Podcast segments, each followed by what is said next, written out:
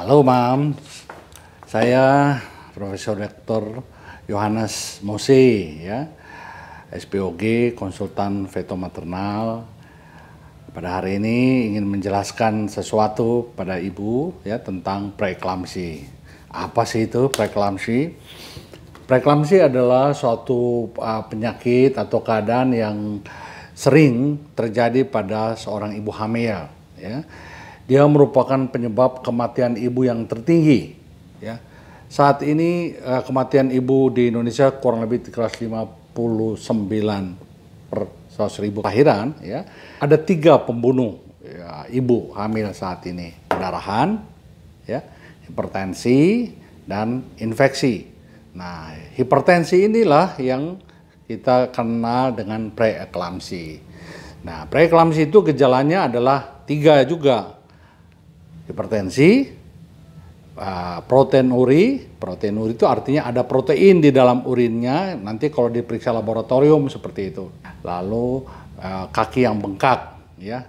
Jadi kalau ibu-ibu merasa dalam kehamilannya merasa sakit kepala, pusing, ya, apa terutama di daerah tengkuk ini dan kakinya membengkak harus segera memeriksakan diri ke dokter karena jangan-jangan tekanan darah ibu tinggi. Preeklamsi ini bukan saja berbahaya pada ibu dan menyebabkan kematian terutama sampai menjadi kejang-kejang. Kalau udah kejang-kejang itu namanya eklamsi, ya.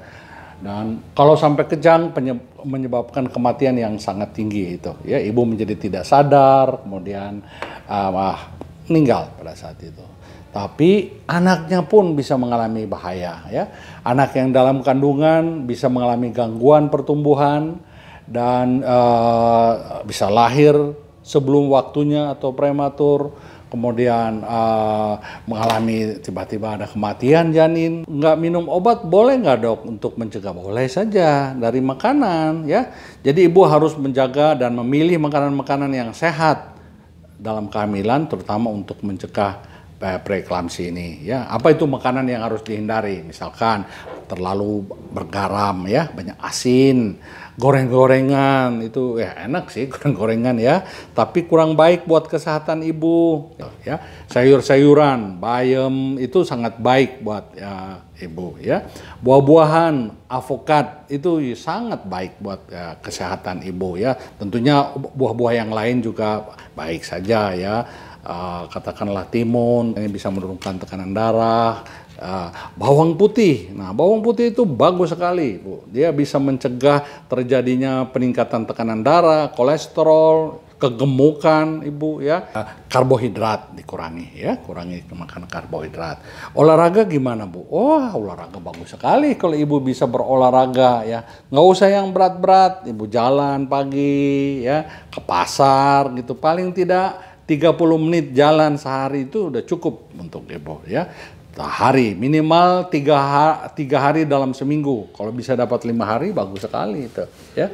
Oke mams ya semoga penjelasan saya yang singkat ini bisa dimengerti ya dan bisa apa namanya ibu uh, menjadi lebih baik tentunya dalam kehamilannya namun kalau ada hal-hal yang masih belum belum dimengerti, Ibu bisa bertanya kepada kami melalui uh, klinik kehamilan sehat ya Jalan Peta nomor 71 ya.